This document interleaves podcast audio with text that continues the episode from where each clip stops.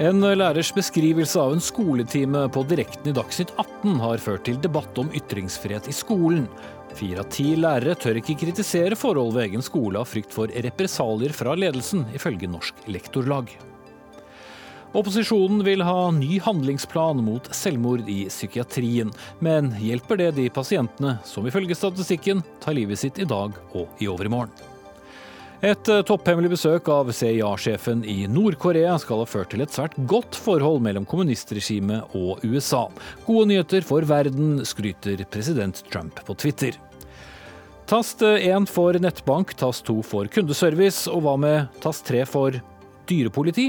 Nytt tilbud hos storbanken DNB opprører Senterpartiet.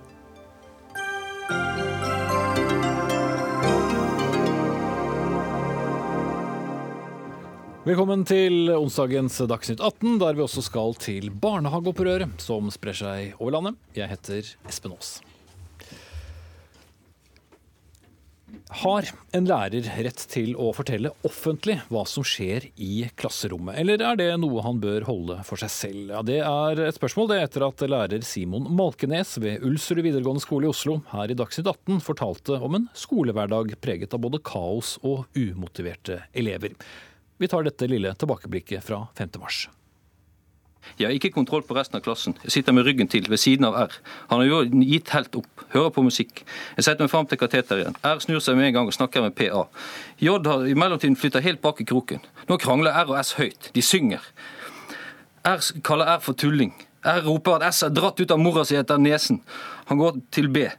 Han lager prompelyd. B og R diskuterer om B skal jobbe. S roper at han har jobbet, og at nå skal han begynne. Nå må jeg avslutte timen. Ja, Lektoren kritiserte dagens ordning med fritt skolevalg, og sa at han bl.a. ville ha flere inntakskriterier enn bare karakterer. Og Nå har skolen varslet personalsak mot eh, Malkenes, og for ordens skyld, Simon Malkenes har takket nei til å delta på nytt her i Dagsnytt 18. Takket nei har også rektor ved Ulsrud videregående skole gjort. Men Inga Marte Torkelsen fra SV, du er byråd for oppvekst og kunnskap i Oslo. Hva vil du si til offentlig ansatte i eh, Oslo-skolen? Kan de snakke fritt? Ja, absolutt. Det skal være full ytringsfrihet eh, i Oslo-skolen, og det skriver jeg også om i Aftenposten i dag. Og det er veldig veldig viktig for oss i byrådet å understreke det.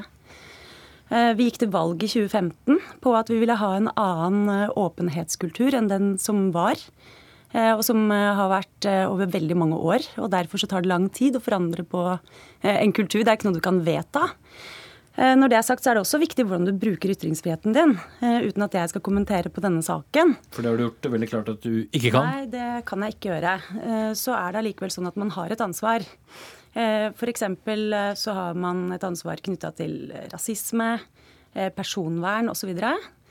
Og da jeg var eldrebyråd for ikke så veldig lenge siden, så var jeg veldig opptatt av at vi skulle ha åpenhet i eldreomsorgen. Åpenhet om avvik, f.eks., som forrige byråd ikke hadde ønska seg. Eh, men vi sladda jo avvikene før vi leverte dem ut, fordi vi måtte ta hensyn til personvern. Eh, og sånn sett så vet vi jo at det påhviler jo den som da bruker ytringsfriheten sin, å bruke den med eh, vett og forstand og på ordentlig måte. Men som ledelse må du også passe på at du legger godt til rette for å bruke ytringsfriheten. Og at ikke du i utide kommer f.eks. og sier at her må man passe på omdømme eller sånne type ting. Eh, for det har jo vært en problematikk som mange har påpekt innenfor offentlig sektor generelt. Det gjelder jo ikke bare skolen. Det gjelder i helsevesenet, i politiet osv. Mm, hvis... Og derfor så eh, ønsker jo vi da nettopp å ha en tillitsreform i hele Oslo kommune, og det jobber vi med hver eneste dag. Mm. Og så har vi altså denne saken gående da samtidig med det. Spørsmålet er da hvem skal avgjøre om noe oppfattes som krenkende? Ja, det er jo også til dels et juridisk uh, spørsmål, ikke sant. Så, Dere sladdet uh, ut uh, navnene på ja, åpenheten. Læreren her valgte å bruke initialer. Ja, og det er veldig vanskelig å kommentere på saken uten å gå inn i den eller bli tatt til inntekt for at jeg gjør den ene eller andre sida i en debatt som er veldig oppheta, og hvor folk til tider har veldig bastante meninger, uten egentlig å vite alt om hva som er faktum i saken. Eh, men vi har jo et nytt lovverk, opplæringslovens paragraf 9a, eh, som handler om eh, mobbing og krenkelse. Og det som hadde vært interessant, var om vi kunne få en nærmere utredning av forholdet mellom ytringsfriheten og hensynet hensynene som da ligger i den nye opplæringsloven, som handler om elevenes rett til et trygt Eh, arbeidsmiljø, kan du si.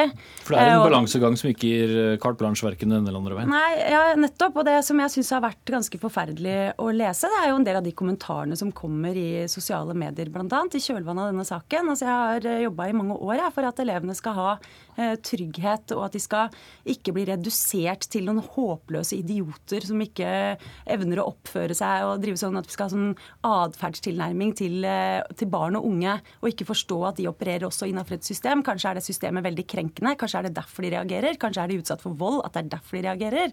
Og så eh, kan voksne finne på å si så mye stygt om barn. Og det ser jeg i sosiale medier nå, og jeg syns det er helt uakseptabelt. Mm.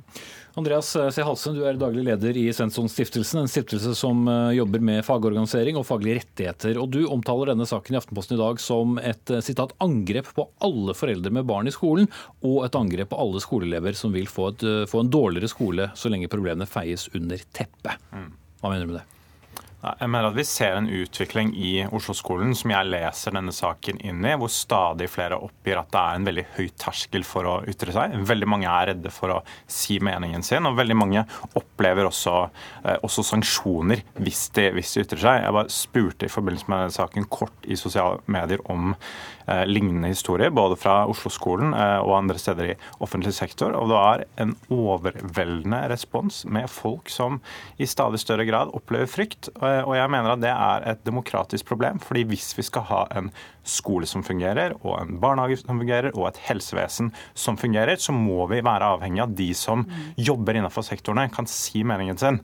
Og da er jeg også veldig glad for det Inga Marte sier om at alle har rett til å ytre seg. Det er noe man burde Jeg håper alle som jobber eh, bl.a. i Oslo-skolen merker seg veldig tydelig at de har støtte fra politisk ledelse i det spørsmålet. Og det er noe jeg også håper at etaten merker seg. At det kommer noen ganske tunge signaler her fra politisk ledelse nå om at ytringsfrihet skal finne sted, også innenfor skoleverket. Mm. Og Det er også en varslerlov som eh, er, er ute på høring, mm. Eh, som, som, kan få noe å si på dette for sikt. Mm. Men eh, denne saken her, da, forteller den oss eh, egentlig om at takhøyden er så stor?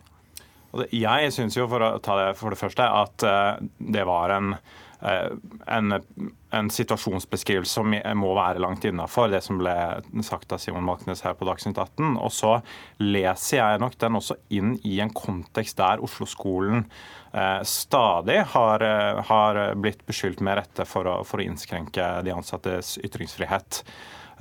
og det som, det som, Simon Malknes eh, opplever, det, det syns jeg er spesielt alvorlig, fordi han har vært en så tydelig kritiker av Oslo-skolen hele veien. Ja, for det har ikke eh, bare handlet om dette det ene tilfellet? Ba, ikke bare handlet om dette. Han har kritisert Oslo-skolen og systemproblemer den gang på gang på gang. Og da blir han en desto viktigere stemme at når, når det eh, opprettes personalsaker mot han basert på en offentlig ytring, så tror jeg det sender et veldig uheldig signal. Og jeg tror det kan dessverre gjøre at mange tenker seg en ekstra gang før de, før de uttaler seg og Derfor er det såpass viktig at denne eh, saken her ikke får et uheldig utfall for Simon Malkenes mm. personlig. Mm. Foreløpig varsel om en personalsak, så vidt uh, vi vet. Da. Men for å ta opp noe av de poengene som Torkelsen har. fordi mange mente jo likevel at Malkenes hang ut elever ved å uh, komme hit i Dagsnytt 18. Mm. Uh, det er elever som har skrevet et leserinnlegg. og er det ikke da også riktig at skolen må eh, ta opp saken og si eh, hør nå her, dette er det mange som har eh, reagert på? Ja, altså det vil jeg gjerne svare på. fordi Det er stor forskjell mellom hva som er eh, en saklig uenighet. og Det er greit å mene at han gikk for langt da, men da er det en del av en offentlig debatt. Jeg mener at det er noe annet å gå derfra til å fronte en uenighet om hans metode, til å gjøre det til en juridisk sak og en personalsak. At kjernen i offentlig debatt, eh, det er nettopp det her. Og jeg mener, jeg mener personlig eh, at ikke han gikk utenfor noe i det innslaget, fordi jeg opplevde det som eh, et forsøk på å si noe om realiteten i Oslo-skolen, som et utslag av et system.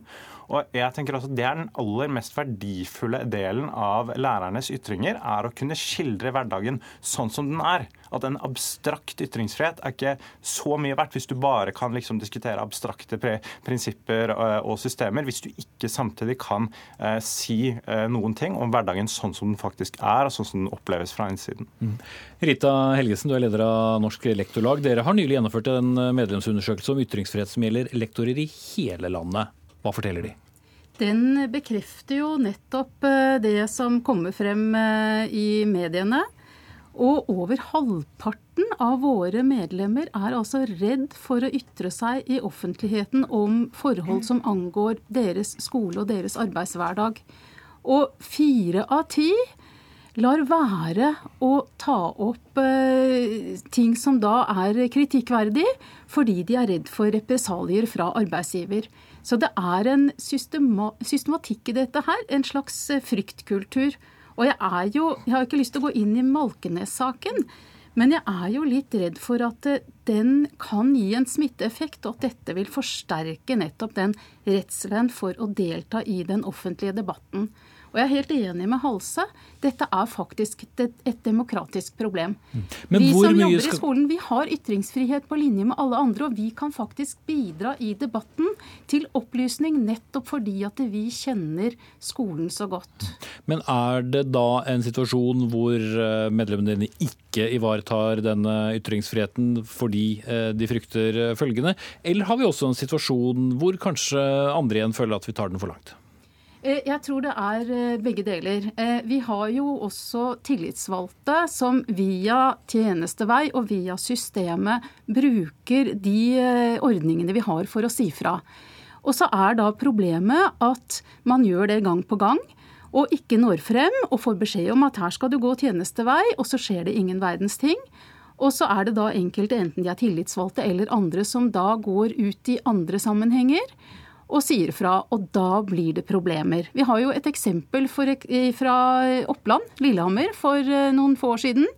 Hvor eh, engasjerte lektorer gikk ut i sosiale medier og engasjerte seg for, i forbindelse med nedlegging av skoletilbud.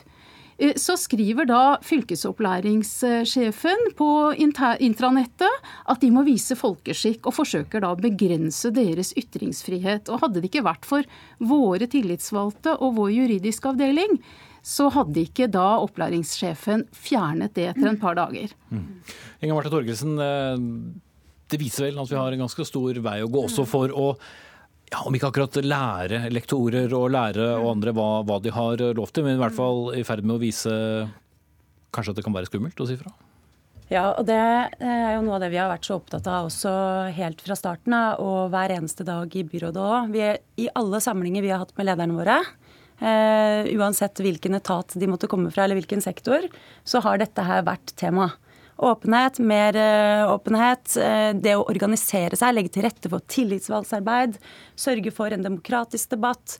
Eh, Frigi avvik, at vi skal ha innsyn i kontrakter. Det er ikke forretningshemmeligheter når det er snakk om offentlig sektor. Masse ulike forhold. Ja, nei, men jeg, jeg skjønner, ikke sant? Jeg skjønner det. Jeg fulgte med på Facebook. Et medlem hos oss, Anne Grønli, mm. skrev om styring i skolen. Det er nettopp derfor jeg syns det er relevant ut fra det du mm. sier skrev og ganske langt og frustrert innlegg om mm. hvor vanskelig det er med styring i skolen. Hun har fortalt oss at hun har fått over 100 brev og henvendelser fra folk mm. som sier at det er så bra at du tar opp dette, for vi tør ikke. Og da har vi et kulturproblem. Jeg syns det er kjempealvorlig. Eh, og det har jeg bare lyst til å si eh, rett ut at vi eh, tar det på alvor. Eh, at det er en terskel der for mange, at det kan føles som det. Eh, og når jeg reiser rundt eh, på skolene, så, jeg, så etterspør jeg aktivt temaer som jeg vet kan være litt vanskelig å snakke om, fordi at det var det før, bl.a. Da var det også en kultur for at man skulle drive mye mer Kall det omdømmebygging, mye hardere konkurransetenking osv. Og, så og det var jo det vi skulle ta et oppgjør med. Og det er vi i ferd med. Ja, ja, men ikke sant. Du må endre en kultur gjennom over tid.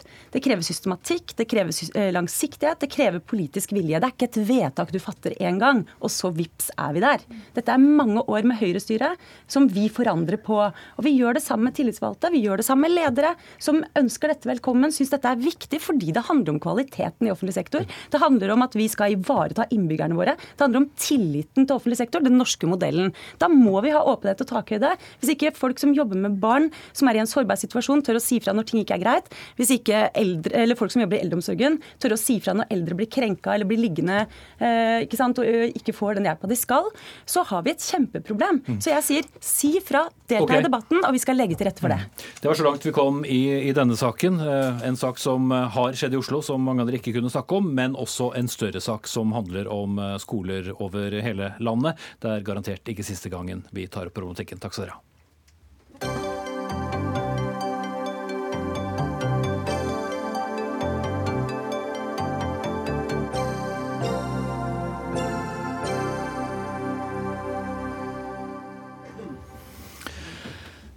Daglig så snubler, velter, tasser og løper over 280 000 unger inn i landets barnehager. Men hva møter dem på andre siden av dørstokken? Vel, mange av dem som venter på dem der inne, har nå satt i gang et opprør som brer seg over landet, og foreldre som hiver seg på og skriver kronikker om hvordan de heller vil holde barna hjemme i protest mot forholdene i barnehagene. Vi kan ikke stå inne for det tilbudet som gis barna i dag. Da må vi være ærlige og si det som det er. Det sa du i Dagsavisen nylig, Palma Kleppe, initiativtaker til dette barnehageopprøret, og er ellers barnehagelærer og styrer i en barnehage. Hvordan eh, er det blitt så ille, hvis du kan si det konkret og noenlunde kort? Du, Jeg vil ikke si at det er blitt så ille. Jeg vil si at det har vært, uh, vært så ille en god stund. Uh, men nå er jo vi lojale, vi som jobber i barnehagesektoren, og har uh, må ta eh, et ansvar der for at vi har vært med på å lage en Men Snakker vi da i forbindelse med at altså, barnehagene har jo nærmest eksplodert i, i antall uh, i løpet av kanskje 10-12 år. Er det, er det denne perioden hvor ting har skjedd? Eh, nei, Nå står vi jo foran en bemanningsnorm for første gang i historien. Og det er jo helt fantastisk. Det er vi mm. veldig glad for. En norm som fastslår hvor mange voksne det skal være per barn innenfor ja. de minste årsklassene og de litt eldre. Mm. Og det er vi som sagt veldig takknemlige for. Eh, men vi ser et behov for å informere om hvordan forholdene er i barnehagene. Fordi vi ser at det er et godt utgangspunkt, det, det forslaget som er lagt frem eh, for en bemanningsnorm. Men vi vil vise gjennom hashtag uforsvarlig-kampanjen vår at det ikke er nok. Eh, men Veldig, veldig fint. Og vi er veldig glade og takknemlige. Jeg tror jeg kan snakke på vegne av alle i hele sektoren, i hele profesjonsområdet. Så du venter bare på denne barnehagenormen skal tre i kraft, og så blir alt bra, eller? På ingen måte. Vi tenker jo at dette er et godt utgangspunkt, som sagt. Eh, og nå viser vi jo frem eh, det som ikke er smøresida i norsk barnehage, nettopp for å gi informasjon om eh, hva som trenger bedring. Jan Tore Sanner, eh, du er også vår eh, barnehageminister i denne saken, men ellers kunnskapsminister og nestleder i partiet. Eh, bare for å spørre deg, fordi at du som statsråd skulle komme hit, så ville du også at KS, som sitter ved din side, skulle stille sammen. Må dere stille mannsterke for å møte barnehageopprørerne? KS er med fordi at det er kommunene som eier og driver barnehagene, i tillegg til private menigheter og, og andre. Men jeg har lyst til å si at jeg er eh, veldig glad for at eh, dere forteller historiene fra hverdagen i, i barnehagene. Eh, at de ansatte gjør det, at foreldrene også er aktive i den diskusjonen. Jeg leser veldig mange av de historiene. Jeg besøker mange barnehager, snakker med de som, som jobber der. Og det er en viktig del av virkeligheten av hverdagen, og det er krevende. Mm. Og alle vi som står rundt, vi skal heie på de som jobber i, i barnehagene. Du leser beskrivelsen. Er du enig i beskrivelsene?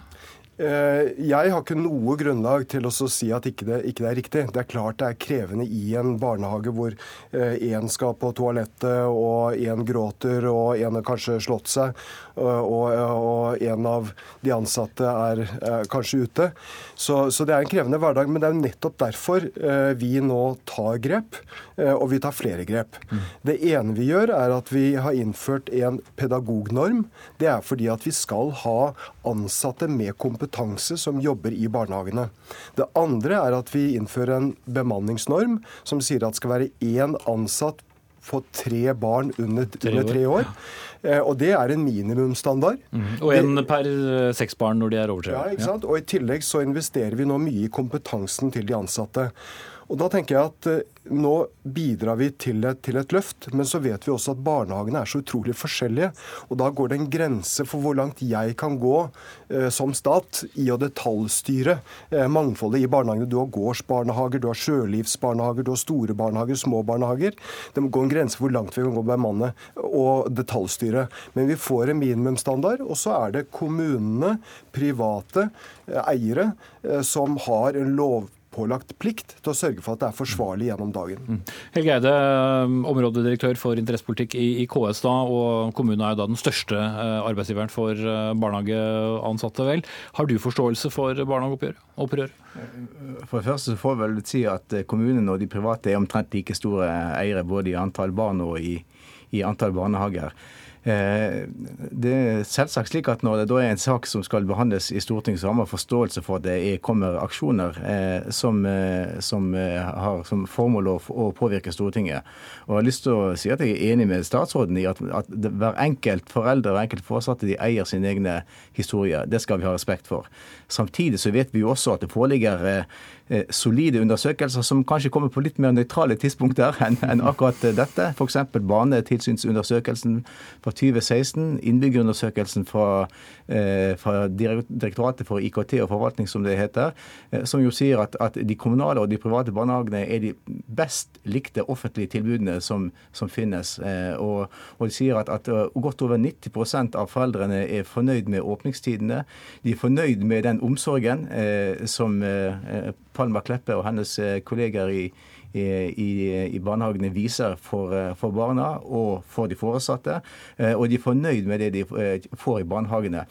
Så, så det å skape et bilde av at, det er liksom dårlige tilstander i barnehagene i dag, det mener jeg det, det, blir feil.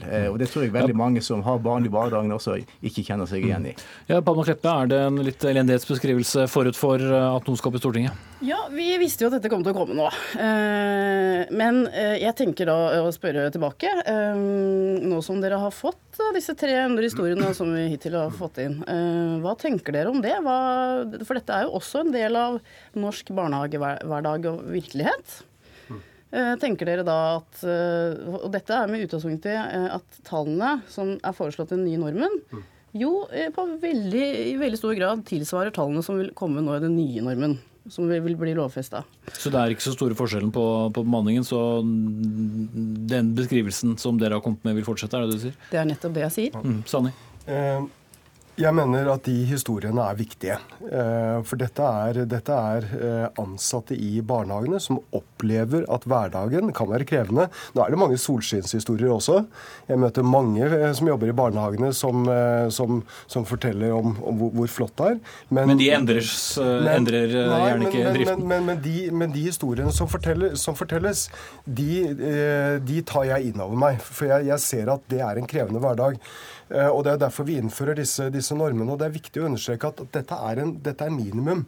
Eh, for vi kan ikke sitte fra statens side og detaljstyre alt i kommunene, alt i den enkelte barnehage. Vi må ta hensyn til også mangfoldet. Og det jeg, det jeg er redd for, hvis man skal gå enda lenger, da, det er at vi kan risikere at barnehagene da begynner å snevre inn på at de eh, åpner senere, stenger tidligere, at vi mister noe av mangfoldet med de private. Vi vet at det er en del av de private som, som vil slite hvis normene blir enda strengere. Så vi må finne en balanse i dette. og Det er derfor jeg tror at tydelige krav til, til faglært personale i barnehagene, en minimumsstandard, og så må kommunene og de private mm. finne ut av hvordan dette skal gjøres i hverdagen. Eide og så Såkleppe. Det er jo sånn at de, Nesten alle, eller i hvert fall eh, godt over 80% av de kommunale barnehagene i dag de har en åpningstid som er utover ni timer. Eh, det er til gode for eh, foreldrene. Mm. Og så vet vi da også at de aller færreste barna, heldigvis får vi si, er i barnehagen mer enn Og de færreste ansatte er der så lenge, og da får du litt den problematikken med at du møter én pedagog på morgenen og en annen når du henter. Ja, og, det, og det, er, det, er, akkurat det vi er, frykter her. At hvis vi går ytterligere lengre i, i detaljregulering, slik som nok denne foreldreaksjonen ønsker, så står kommunen overfor det problemet at dette blir uhyre krevende å håndtere med så rigid rigid eh, detaljregulering. Og Da blir veien fort til å redusere åpningstiden, fordi det er lettere ut fra de reguleringene som finnes. Og Dette må vi huske på. Ja, det, hva Kostnadene ved å gjøre dette er ikke utredet i det hele tatt. Det kommer på toppen av noe som vi mener er det største problemet med reformen, sånn som det ligger allerede fra regjeringens side, nemlig at den er underfinansiert med, med inntil 1 milliard kroner, altså som kommunene da ikke får, som det faktisk koster å iverksette dette. Og så vil altså dette komme på, på, på toppen og kunne gjøre det uhyre krevende for kommunene å tilpasse seg. Og, og dette må vi, eh, og vi håper at Stortinget også tar høyde for det når de behandler dette eh, kommende dagen. Det vil Sanner sikkert straks svare på, men jeg synes Kleppe skal få komme innom her. fordi eh, det er, altså Ingen vil jo jobbe like mange timer som et barn er i en barnehage. Det er helt riktig. Eh, og jeg tenker eh, Sanner og eh, Helge jeg tenker at det som dere forteller om nå, det vitner om at det er behov for enda mer informasjon. Fordi når du sier, Jan Tore, her at barnehagene At dette er et minimum, og barnehagene kan, må sørge for god nok eller forsvarlig drift. Det er jo det vi har hatt i, i lovformuleringen til nå. Mm. Eh, det vi jo da ser altså Pedagognormen har jo også eh, beramma 14 18 barn per pedagog. Eh, det finnes ikke den barnehagen som har hatt 14 barn per pedagog. Fordi eh, tallene strekkes eh, til ytterpunktene. Fordi dette handler om økonomi. Mm. Sanner, du svarer kort på økonomien helt til slutt nå. Ja, eh, Vi mener at eh, bemanningsnormen er eh, finansiert. Det finansieres slik som vi finansierer I motsetning til KS? Jo, jo men ikke sant? den diskusjonen tror jeg vi nesten alltid har. Vi mener at det er finansiert. Og vi tilfører også kommunene betydelig ekstra midler, slik at de kan gjennomføre pedagognormen, og ikke minst på kompetansehevende tiltak. Eh, og det at vi nå får en minimumsstandard, det gjør at eh, vi kan utvikle barnehagene videre. Det skal være trygge barnehager hvor barna får god omsorg og muligheter til å utvikle seg. Da setter vi strek. I morgen er det høring om saken i Stortinget. Noen liker å bruke barnehage som et skjellsord når det gjelder diskusjoner her i Dagsnytt 18. Jeg tror vi kom oss rundt det i dag. Takk skal dere ha.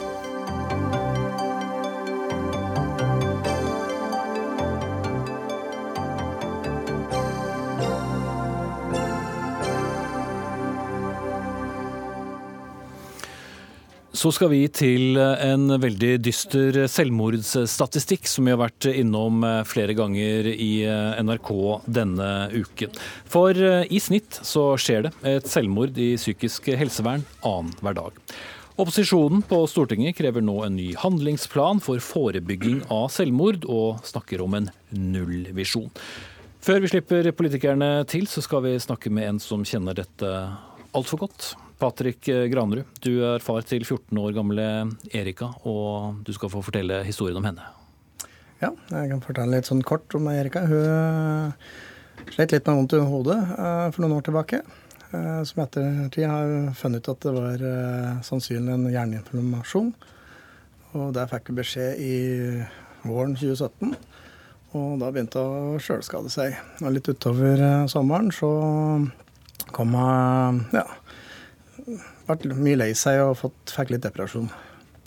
Uh, første møte hun hadde på sykehuset, det var uh, slutten av juli 2017. Og da var jeg der én natt. Kom ut igjen dagen etterpå. Og to ganger seinere utpå høsten, da var jeg to netter. Og den siste, det var i desember. Og da var jeg der uh, i ei uke.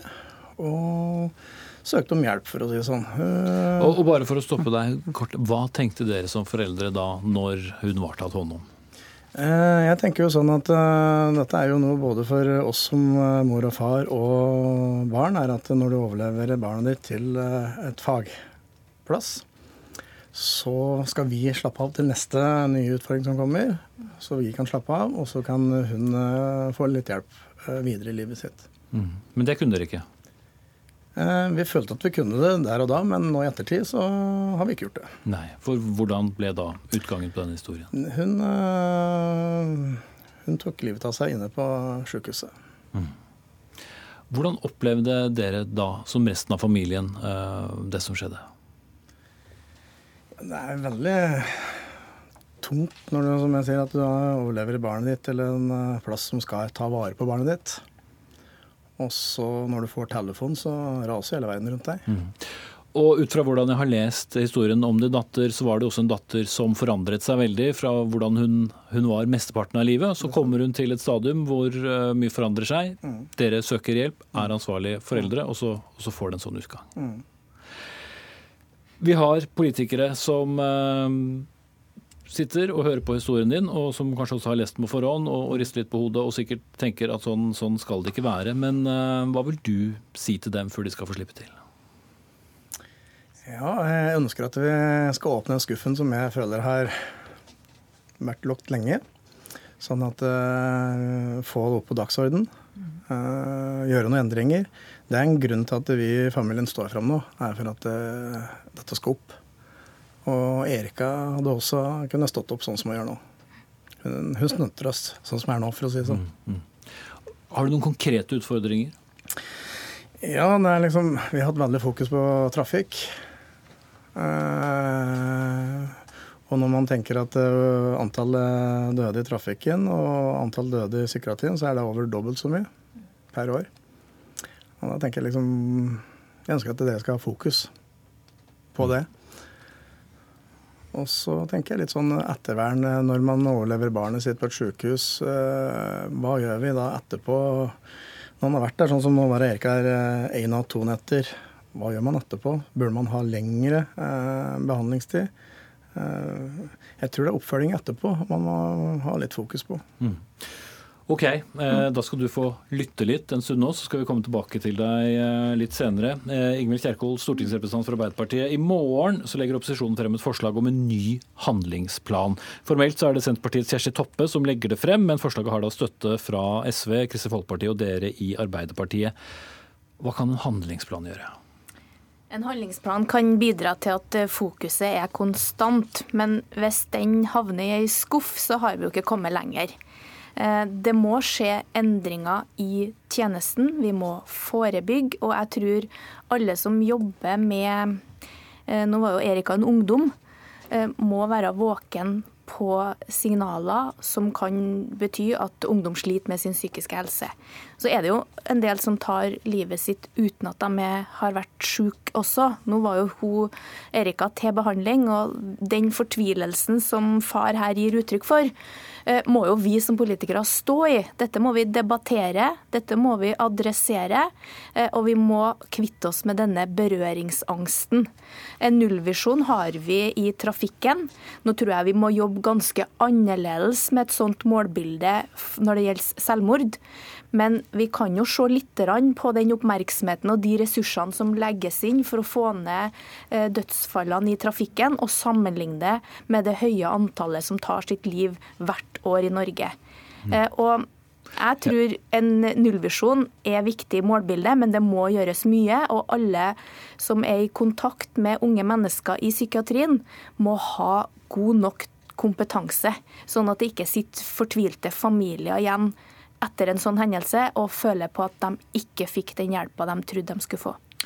Eh, verken helseministeren eller noen helsepolitiker fra Høyre kunne stille i Dagsnytt 18 i dag, men det kunne du, Bård Hoksrud, stortingsrepresentant for Fremskrittspartiet og medlem av helsekomiteen. Vi hører altså at eh, blant pasientene i psykisk helsevern skjer et selvmord annenhver dag. Da kan i hvert fall ikke systemet være riktig. Det er ikke tvil om, og det er utrolig fortvilende å høre eh, både historien og Dessverre ser jeg altså siden 2008 så er det altså 1910 mennesker som har tatt livet sitt uh, i forbindelse med rus og psykiatri. Det er, et, det er, helt vanvittig mange mennesker. Uh, og Derfor er det så viktig å ha høyt uh, fokus og trykk på denne saken her, fordi det og, og berører så utrolig mange mennesker. Utfordringa her er jo at på og, og, jeg som er da tidligere samferdselspolitiker, har jo vært veldig glad i både nasjonal transportplan og, og nullvisjoner. Fordi der, der, er det mulig å gjøre det. Fordi, og det er litt sånn man kan gjøre fysiske grep og, den type ting. Eh, og så er det veldig rett fram, og man ser resultatene veldig fort. Her er det mennesker som har individuelle behov, eh, og som gjør at det er litt annen, eh, litt annen måte å jobbe på. Man må jobbe på en annen måte. Og Derfor har også regjeringa sagt at vi ønsker å få på plass pakkeforløp innenfor psykiatri. Det handler om at man skal se menneskene. Man skal også lytte til menneskene, hva de tror at kan være med å hjelpe de eh, eh til å unngå at man tar selvmord. Og Det er også viktig, og det er ting som regjeringa jobber for å få på plass. Vi skal ta inn en uh, fjerdemann i studio. Fredrik Valby, forsker og psykologspesialist ved Nasjonalt senter for selvmordsforskning og forebygging ved Universitetet i Oslo. Det, er du som har kommet frem til at selvmord i psykiatrien skjer langt hyppigere enn vanlig. Hva mener du er hovedproblemet? Uh, nei, Det ene er jo at har tatt, uh, vi har hatt altfor lite fokus på det. Det har jo vært kjent altså internasjonal forskning at dette er en voldsom risikogruppe. og Det er jo derfor de selvmordene skjer. Um, vi publiserte det ene er den rapporten som nå har vært mye omtalt, men vi publiserte også en internasjonal artikkel nå denne mandagen faktisk, som viser at internasjonalt sett så har vi omtrent dobbelt så mange som er i kontakt med psykisk helsevern før de dør, uh, som det man har da i nesten alle andre land. Og Grunnen til det det er jo at vi er et rikt land med et veldig stort utbygd um, uh, helsevesen, også et psykisk, psykisk helse, altså et psykisk helsetilbud. Så det er et paradoks, da? Ja, altså Det er jo bra at vi på en måte klarer å, å nå mange av disse menneskene. og Selvmordsraten hadde vært mye høyere uten de hjelpetilbudene vi har. Det er, må jo være et premiss her. Men spørsmålet igjen er um, gjør vi nok, og er vi gode nok med alle de ressursene vi har? Hva kunne vært gjort annerledes? Altså, jeg må jo si jeg har jo selv eh, møtt pårørende kanskje jeg tror ti år siden. Jeg laget saker om psykiatri. Da også intervjuet vi politikere som ristet på hodet og sa at eh, dette, dette må vi gjøre noe med. Og vi har hatt statsministre som har snakket om, om psykisk helse. Og så har vi disse tallene. Har du noen forklaring? Det er utover det som jeg sa med dimensjonen av tjenesten. Ja, hva, hva kan vi gjøre annerledes? Ja, uh, nei, uh, Jeg tror vi må gjøre to ting. Uh, det ene er på det generelle. At vi må ha politikere rett og slett som tør å stille mye større krav til faglighet og kvalitet i psykisk helsevern. Det begynte med opptrappingsplanen i, i, på slutten av 80-tallet, eh, unnskyld, på slutten av 90-tallet, um, som var helt riktig den gangen for å få opp dimensjonene, men innhold og kvalitet i hva som tilbys, har vært veldig veldig lite fokusert. Det er den, den delen som gjelder psykisk helsevern. Og så må vi gjøre mer selvmordsspesifikt, altså både med kunnskap og med tiltak, og gjerne, eller jeg tror det, det vi argumenterer for, er jo også å gjøre ting eh, lignende det man har gjort i, eh, i trafikksikkerhetsarbeidet, altså på gruppenivå. Bygge inn sikkerhet. Ikke på individuelt nivå? Mye, altså, behandlingen må være på individuelt nivå, men sikkerhetsdelen må være mye mer på gruppenivå. Ok, eh, Da går vi tilbake til uh, dere politikere. og Nullvisjon høres jo veldig fint ut, men hvordan kommer man dit? Kjerkol? Vet du hva, jeg, har, jeg, kommer fra et fylke som heter Nord-Trøndelag. Det har gått ut av tida. Nå er Trøndelag Det som het Nord-Trøndelag? Ja, det som het Nord-Trøndelag. Der vedtok man en nullvisjon. Det førte til at Eh, hjelpetiltakene fant hverandre i et felles målbilde. Om man har redda liv, det får vi aldri vite, for det kommer nok ikke opp i statistikken som eh, eksperten her forholder seg til.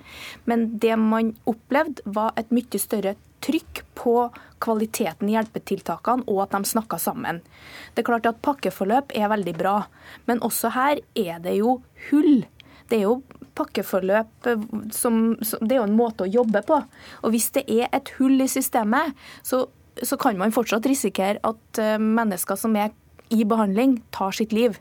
Så det som jeg har snakka mye med den foreningen som heter Leve, som er en pårørendeforening for selvmord, og som også jobber med forebygging, som jeg anbefaler far å, å, å knytte seg til, eh, de er veldig opptatt av at dette med å kunne eh, kjenne igjen tegn skal inn i utdanningene, altså kvaliteten, fagfolkene, må ha mer innslag i sine utdanninger av at dette er noe som skjer.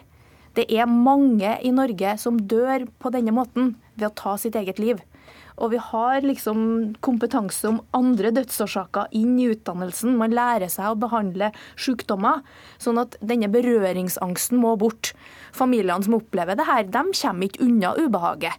Så vi må stå i ubehaget, vi òg, eh, og lage eh, kunnskap og kompetanse som kan omsettes i et mer i et samfunn som ser disse før de gjør de drastiske handlingene. Helseminister Bent Høie har eh, ikke vært så positiv til denne handlingsplanen, men hva tenker du, Hoksrud? Nei, altså Handlingsplanen er jo i utgangspunktet positivt. og Den man har hatt, den gikk jo ut i fjor. og Det er jo gjort mange tiltak, eh, og den er fulgt opp. Men jeg er jo opptatt av at én ting er handlingsplan, noe annet er faktisk handling. Og det er det som er det aller viktigste. Og jeg tenker jo sånn at vi må få bedre samhandling mellom nivåene innenfor eh, psykisk helsevern. Der tror jeg det er masse å hente. Jeg tror det handler om å ennå fortsette å styrke kompetansen. Altså Jeg har lyst til å si også at man, man må ikke glemme at det er mange utrolig flinke folk der ute også. Eh, men, men, det er å sørge for å tette de eh, hula som er, og tette de, noen av de skotta som er der. Få, eller få åpna, ikke tette skotta, men, men få åpne de skotta som er der. Fordi det er viktig eh, for å kunne gi god behandling. Og så kanskje vi også her må, må, må, i hvert fall så tenker jeg litt sånn, Kanskje vi må si at vi skal bruke litt mer tid på behandling når man får behandling.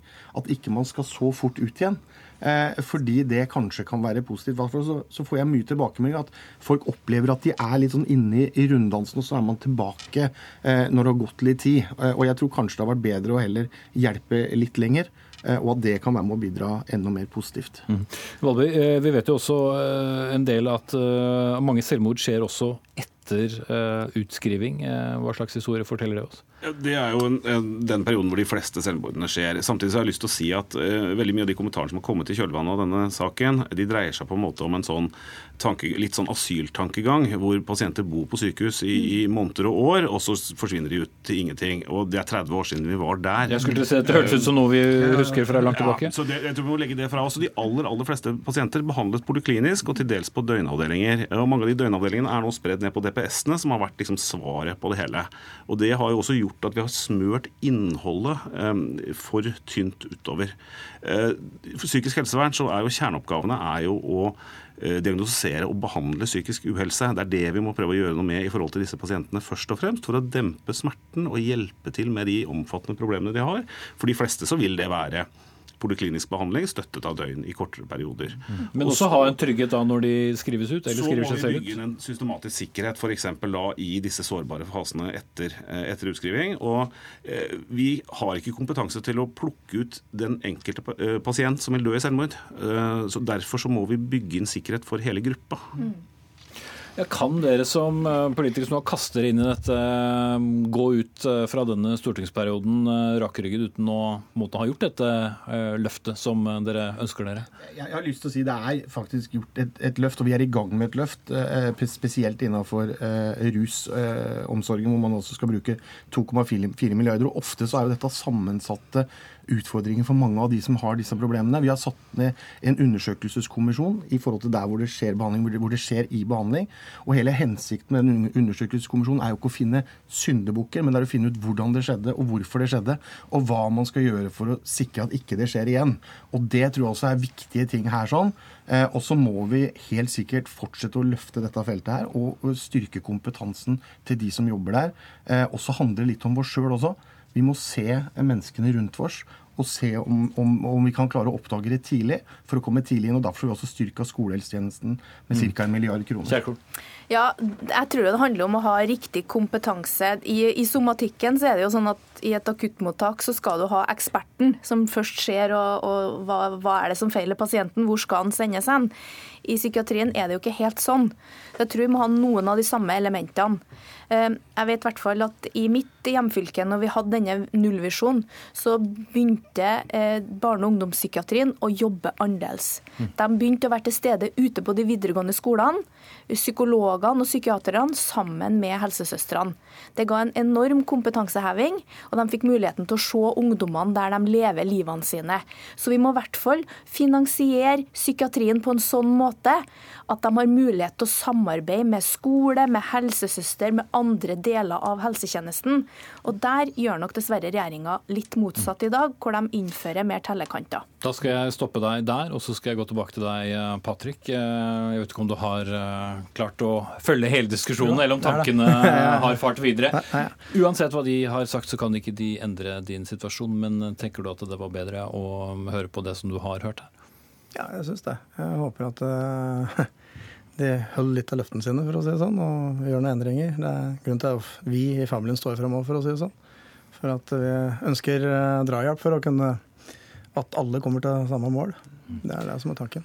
Tusen takk for at du har delt din veldig sterke historie. Den er en historie som eh, mange kommer til å ta med seg videre. Takk også til eh, våre eh, politikere her. Ingvild Kjerkol fra Arbeiderpartiet, Bård Hoksrud fra Fremskrittspartiet, og så forsker Fredrik Valby fra Nasjonalt senter for selvmordsforskning og forebygging.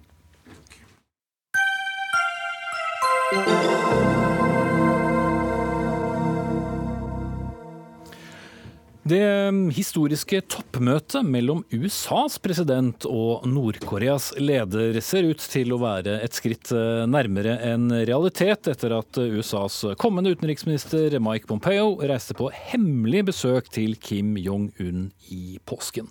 President uh, Donald Trump bekreftet møtet på Twitter i dag, og kunne samtidig melde om at de fikk etablert et godt forhold seg imellom. Møtet skal ha lagt grunnlaget for det kommende toppmøtet, og der skal det diskutere bl.a til Nord-Koreas atomnedrustning mot at de får sikkerhetsgarantier tilbake. Nå er det ikke kommet ut så mange detaljer om eh, påskens møte, Tove Bjørgaas, eh, vår USA-korrespondent, men eh, noe vet vi. Ja, Vi vet at Michael Pompeo, også i egenskap av CIA-sjef og påtroppende utenriksminister, reiste til Nord-Korea i påsken for å møte Nord-Koreas leder, og at de da skal ha diskutert det, opp, det, kommende toppmøtet, og også at han skal ha presset, ifølge eh, kilder Washington Post har snakket med, eh, Nord-Korea i forhold til å, å, å forplikte seg til eh, atomprogrammet og, og trappe ned, gjøre noe med atomprogrammet når dette toppmøtet finner sted. Ingenting er jo, Dette er jo eh, bekreftet, men Trump bekrefter også at møtet har funnet sted ved eh, Pompeo. Og han sa jo også eh, da Pompeo ble utnevnt til utenriksminister, at han ønsket at han skulle lede forberedelsene av dette viktige toppmøtet, og at det var derfor han ønsket han inn i den rollen på det tidspunktet. Mm. Sverre Loddgaard, seniorforsker ved NUPI. Du har nylig vært i nabolandet Sør-Korea. og Det antas også at de har lagt et slags fundament for dette toppmøtet. Hva kan det dreie seg om? Eh, det første toppmøtet er jo mellom Sør- og Nord-Korea, og det ser ut til å forberedes eh, veldig godt. Eh, de kan jo ikke forhandle frem noen fredsavtale, det er bare våpenhvile som eksisterer nå, men de tar mål av seg til å få i stand et fredsregime som gjør slutt på fiendtlige handlinger mellom de to. Og Det har jo opp gjennom årene vært et utall slike hendelser som har påvirket disse landene negativt. Så vil de jo også sikkert snakke om familiegjenforening, om kulturutveksling, i det hele tatt om eh, mer folk-til-folk-kontakt. Og så vil de også på dette møtet eh, snakke om eh, atomprogrammet. Og der har sørkoreanerne sagt noe vesentlig. De har sagt etter samtaler med nord at dette kan bare skje gradvis, steg for steg, og med parallelle, samtidige konsesjoner fra de to sidene. Mm. Eh, Tove, det er jo ikke første gang det har vært eh, toppmøte mellom disse landene, men vi skal ganske langt tilbake i tid, faktisk helt tilbake til 2000 og utenriksminister Madeleine Albright, som da hadde møte med Kim eh, Jong-il. Da gikk det ikke så bra? Nei, og det er jo første gang hvis dette møtet mellom Kim og Trump finner sted, at statsledere fra de to landene kommer til å møtes. Eh, USA har jo ikke ønsket å ha noe møte på så høyt nivå fordi man ikke har klart å få de nødvendige innrømmelsene fra Nord-Korea. Og Da Madeleine Albright reiste dit i 2000, så var det for å forsøke å forberede et møte med Bill Clinton. Og det møtet fant jo aldri sted, og man jobbet med det i mer enn jeg tror det var flere, i hvert fall mer enn et år. Så nå har man jo på veldig kort tid her planlagt et nytt møte. Det man er nervøs for her, er jo om man har nok tid til å forberede dette. Tenk om det blir en fiasko. Hva skjer da? Hva kan i det hele tatt eh, komme ut av møtet mellom Trump og Kim? Men det vi har sett de siste eh, ukene etter at møtet ble annonsert, det er jo at det ikke har kommet noen flere Eh, prøve, eller rakettoppskytninger, og at også OL var et, et, arrangement som gikk i fredens tegn mellom de to landene. Men altså, eh, det er helt historisk eh, også at en utenriksminister drar dit, eller en påtroppende utenriksminister er altså da 18 år siden sist det skjedde. Ja, Lodgaard, Vi skal ikke så veldig langt tilbake i tid før uh, du snakket både i NRK og andre steder om den veldig bitre og harde tonen som var mellom Nord-Korea og USA. Nei, og det varte jo helt til årsskiftet. Eh, siste årsskiftet. Og så har ting gått uh, veldig raskt.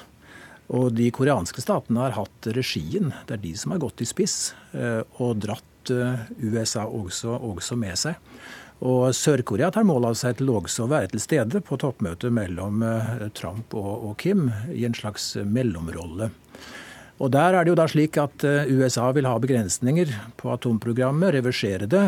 Til gjengjeld vil Nord-Korea ha normalisering av forholdet til USA og omverdenen generelt, og som du sa, eh, sikkerhetsgarantier. Og det er ikke enkelt, eh, fordi at eh, det er ikke nok med en tekst som USA og andre stormakter undertegner, og som FNs sikkerhetsråd slutter seg til. Det må også skje noe helt, noe helt konkret med øvelsene og det amerikanske militære nærværet i, i Sør-Korea. Og så er det jo slik at eh, store stater har det i sin makt å gjøre noe annet enn avtalt når det kommer til stykket, hvis eh, omstendighetene i mellomtida har eh, forandret seg. Og Den amerikanske historien her er ikke helt tillitvekkende.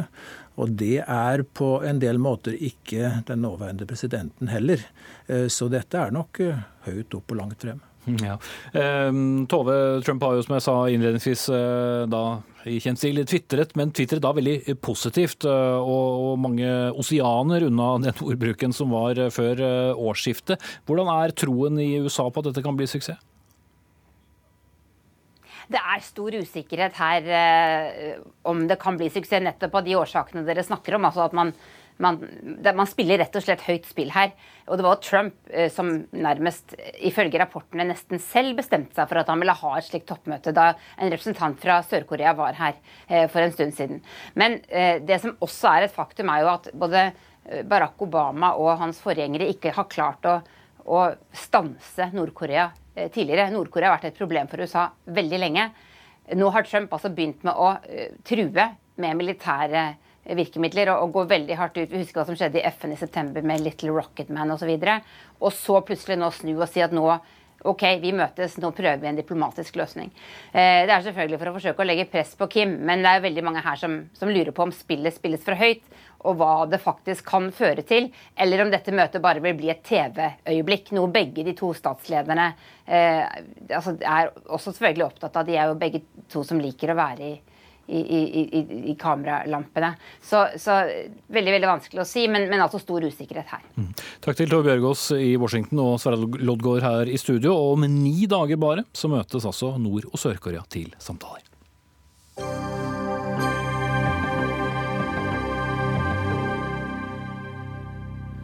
Dersom du skulle være uheldig å kjøre på en hund eller et annet dyr og bli skadet, hva gjør du da? Hvem ringer du for å få kyndig hjelp til kjæledyret raskt? Vel, Forsikringsselskapet DNB er eh, åpenbart eh, redningen, skal vi tro dem selv. De har opprettet et eget nødnummer for dyr. Men det begeistret deg svært lite. Geir Pålestad, stortingsrepresentant for Senterpartiet og leder av næringskomiteen. Du har sågar kalt det både spekulativt og umoralsk. Ja, jeg eh, reagerte spontant når jeg så hvordan DNB her skyvde dyra og vårt engasjement for for dyra eh, framfor seg i en reklamekampanje for å selge eh, flere forsikringer. Etter den tid så har jeg jo sett meg eh, mer inn i saken, og jeg brukte sterke ord eh, når jeg reagerte spontant. Etter å ha satt meg inn i saken, så ville jeg nok ha reagert enda sterkere. For, det, for, dette er syltynt. Det er gjort dårlig for, forarbeid, og en skaper et inntrykk av at det går an å ringe 114 og få hjelp. Det nummeret eksisterer ikke. Eh, og Derfor så mener jeg at en, en lurer folk. Eh, og det er jo ingen tvil om at hovedhensikten er å selge dyre forsikringer. Mm. Ja, gratulerer med strålende omtale fra politisk hold. Aina Lemon Lunde, markedsdirektør i, i eh, DNB. Her, her skal det selges forsikringer, skjønner vi? Ja, det er jo ikke noe hemmelighet at vi selger forsikringer, også dyreforsikringer. Og det er jo nettopp gjennom den kundedialogen at vi blir gjort oppmerksom på at dette er et problem. Hvor kunder sa til oss at vi vet ikke hvor vi skal ringe hvis vi har et dyr som er skada eller sykt. Og så bestemte vi oss for å bore litt mer i det, så vi gjorde en undersøkelse gjennom Ipsos. Og der eh, lærte vi at ni av ti ja. Som er et byrå, ja. Som, eh, som lærte oss at ni av ti nordmenn ikke vet hvor de skal ringe hvis de har et dyr som er i nød. Eh, og vi lærte også at 800 000 nordmenn har vært i den situasjonen hvor man har hatt et skada eller sykt dyr og ikke visst hvor man skulle ringe. Og da tenkte vi at dette her må det kunne være mulig å gjøre noe med. Kan man forenkle dette litt, så det er lettere for folk å vite hvor man skal ta og ringe? Ringe. Så har dere opprettet da 114, som da følger etter de andre nødnumrene. og Jeg vet ikke hva som skjer hvis du ringer dit i dag, men hva er tanken eh, når du kommer dit? Hva, hva skjer? Nei, vårt ønske er jo å få et nødnummer som er lett å huske for alle sammen. Og mens vi venter på det, så har vi opprettet et midlertidig nødnummer, som er 22200 114. Eh, og skulle gjerne ønske at det kan bli enda enklere i framtiden. Når du ringer dit, så kommer du til dyrehelsepersonell, akkurat som du gjør hvis du ringer til veterinærer som har vakt ellers. Og så vil de kunne hjelpe deg. Og enten eh, svare deg på de spørsmålene du måtte ha der og da, eller sette deg til da nærmeste veterinær som kan hjelpe deg. Og der er det jo heldigvis sånn at det er mange instanser som kan hjelpe dyr i nød, men de er nettopp mange. Det er 160 veterinærvakter. Du har Mattilsynet du skal ringe noen ganger, noen ganger skal du ringe viltnemnda, noen ganger skal du ringe politiet. Og når folk står i en situasjon med et skadet dyr, så klarer de ikke å ha oversikt over alt dette. Det vet vi jo, for det har de sagt til oss eh, selv. Ok, Pollestad. Eh, fortsatt ikke begeistret? Nei, altså For det første så nekter jeg å forholde meg til at det kun er 10% av Norges befolkning som hvis de har en hund som har brukket foten, klarer å tenke seg til at det er lurt å ringe veterinæren. Eh, jeg tror langt flere eh, er i stand til det. Eller hvis du har kjørt på et rådyr eller en elg, så kan det være lurt å kontakte eh, politiet for dette. Men forvirringen blir jo enda større. For en skaper jo et inntrykk av at nå kan en ringe 114 for å få hjelp. Jeg tror ikke alle har fått med seg det lange nummeret. 114 er et nummer som ikke fins. Og hvis eh, DNB hadde gjort forarbeidet sitt, så ville de ha sett at Nasjonal kommunikasjonsmyndighet har blokkert 114 som nødnummer, fordi at det kan forveksles med de ordinære nødnumrene. Så det vil aldri bli eh, noe 114. Men hvis de lærer seg det lange nummeret, da er det fortsatt uh, Ja, og da er du på problemet at uh, vi har fått veldig mye, eller jeg har fått veldig mye tilbakemeldinger fra veterinærer rundt forbi som er fortvila, for de har sine lokale uh, veterinærvakter. Eh, og de er langt for trygge på at den eh, dyrepleieren som svarer på telefonen, henviser til det tilbudet som er best, men at en eh, etter jeg har forstått, har avtaler og, og, kontakt med enkeltinstanser. Tidlig i prosessen ble det også sagt at Mattilsynet var med på dette. Jeg spurte om dette, fikk til svar at det var en feil. Mattilsynet er altså ikke med, politiet er jo ikke med. Og hvis en skal gå til det skrittet og etablere et nødnummer for dyr, for dyr er kjempeviktig, så må en være sikker på at dette virker. Og så må en samarbeide med de instansene som har ansvaret for å ta vare på dyrene våre når de trenger hjelp. Og DNB har ikke gjort noen ting av dette. Det er tre reklamebyrå som iallfall har besvart mine eh, forespørsler til kontakt med meg for å fortelle hva dette var for noe. Eh, og da tenker jeg dette er et reklamestunt, og det ser en når en ser på reklamen. Det handler om å kjøpe forsikringer. Appellere til hjertene våre. DNB er den gode. Kjøp forsikring. Og det syns jeg er misbruk av dyr i reklameøyemed. Ja, du er jo markedsdirektør og det hele, eh, Lunde. Hva svarer du? Altså, heldigvis da, så er det lov også for kommersielle aktører å ta samfunnsansvar.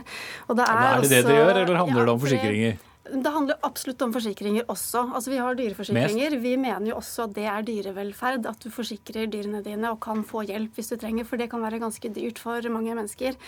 I tillegg så er det jo et ganske godt forsikringsprinsipp at det du forsikrer, det er det til og med lønnsomt å ta godt vare på. Og folk forsikrer jo ting de er glad i, eller mennesker de er glad i, eller dyr de er glad i. Og det er samme grunn da til at forsikringsselskap historisk sett deler ut reflekser, jobber med brannvern, prøver å ta vare på det som folk ønsker å forsikre. Men er det, det med villedende markedsføring, sier Bolstad? Altså det vi gjør, som er veldig tydelig i hele kampanjen, det er jo at vi oppfordrer, eller ønsker oss, et felles nødnummer for dyr. Og hva det endelig skal bli, det tenker jeg at det er ikke opp til oss å vurdere. Eller lager det et inntrykk av at det nå finnes et nødnummer? Vi har vært veldig opptatt av å være tydelige på at det ikke finnes. og Det er derfor vi også bruker hashtaggen ja til 114 i all kommunikasjon vi har. Og skulle det vise seg at mange ringer feil, så kan vi korrigere det med en gang. Men det har vi ikke fått noen annen tilbakemelding på enn før dere setter i gang med Før dere setter i gang med dette, så bør dere hatt uh, Mattilsynet med på laget. Dere burde hatt landets veterinærer med på laget. Jeg ser at Veterinærforeninga er kritisk til dette. Dette er jo de folka som skal gjøre jobben, og de har en altså ikke snakka med. Og En markedsfører et, et 114-nummer eh, som ikke finnes i dag, og som ifølge det regelverket vi har, ikke vil bli åpna for et eh, nødnummer. Jeg mener det er en lang rekke andre tiltak som vil ha mye mer effekt for å bedre eh, dyrevelferden. Og DNB kunne jo ha donert, da, eh, hvis en ønsket det, penger for å etablere et bedre vakttilbud for eh, smådyr. Revurdere dette, Lunde? Vi er veldig mottakelige for flere innspill. og jeg tenker vi, Det er mange vi kunne snakket med. Det viser litt av kompleksiteten i det. For det er akkurat den samme situasjonen da folk står i når de skal ringe. Hvem skal de egentlig ringe? For det er veldig mange aktører som kan være riktig instans. Vi inviterer alle deg som har lyst til å være med på der, dette. er jeg redd. For eh, det heter seg jo at gode råd er dyre. Her var det kanskje råd for dyrene, men med en viss uenighet om hvor godt det altså var. Takk til eh, Geir Polstad, stortingsrepresentant for Senterpartiet, og Aina Lemon Lunde fra eh, DNB. Og Dagsnytt 18 er, som vi hører, straks over. Ansvarlig for sendingen Arnhild Myklebust, teknisk ansvarlig Finn Lie. I studio Espen Aas. Minner om programmet Torp for øvrig på NRK2 i dag klokken 20.30, hvor du får møte Jens Ultveit Moe.